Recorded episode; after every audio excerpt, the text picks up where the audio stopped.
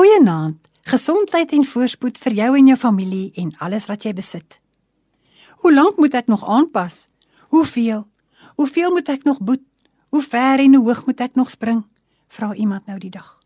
Hoe lank moet ek, omdat ek wit is en bevoorreg is weens my familie en voorvaders se bevoordeling in die apartheid era, onwelkom wees en voel in my eie land, Nuwe Suid-Afrika? Vra iemand anders toe. Iemand skryf nou die dag. Ons land is disfunksioneel en het gewelddadig geword. Of was dit altyd? Die minderheid wat nog in die land is, is stemloos. Rut het net so gevoel.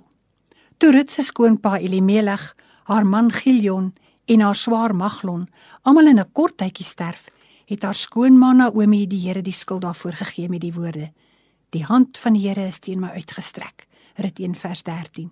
En later: "Die Almagtige het my baie bitterheid aangedoen." Rut 1 vers 20. Rut is elke dag in die demoraliserende atmosfeer van haar skoonma. Buite die huis het dit nie veel beter gegaan nie. Oral waar sy gekom het is gefluister dat sy 'n Moabiet is, die volk wat vir Israel kos en water geweier het in die woestyn. Rut kyk verby die beskuldigende pyl veroordelende oë en stil verwytende kyke na die God van 'n volk wat nie haar volk is nie.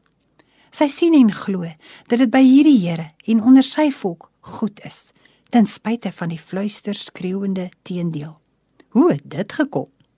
Rut het waarskynlik in haar saamwees met die mense van Israel kennis geneem van die wet wat vir armes 'n reg gegee het in Levitikus 19 vers 9. Die wet wat bepaal het dat mense wie God seën vir armes voorsiening moes maak. Wetende hiervan sê Rut vir Naomi: "Laat my asseblief na die land gaan en are tussen die graanare optel agter enige iemand aan in wie se oë ek guns sal vind. Met ander woorde, laat my uitkyk vir iemand wat my 'n geleentheid sal gee." Sy het God se beginsels opgeswat en geken. Buur jy voort en verswyg die voor die hand liggende? Ken jy die een wat die ware reëls agter die oënskynlike reëls rondom ons maak?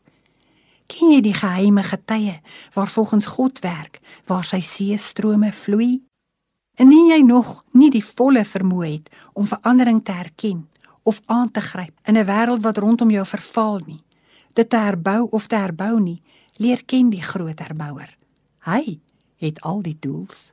Leer ken die herbouer.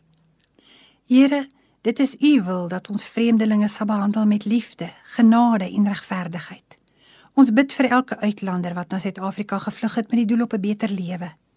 Ons bid vir elke Suid-Afrikaner wat in die buiteland werk met die oog op 'n beter lewe. Skenk aan hulle moed.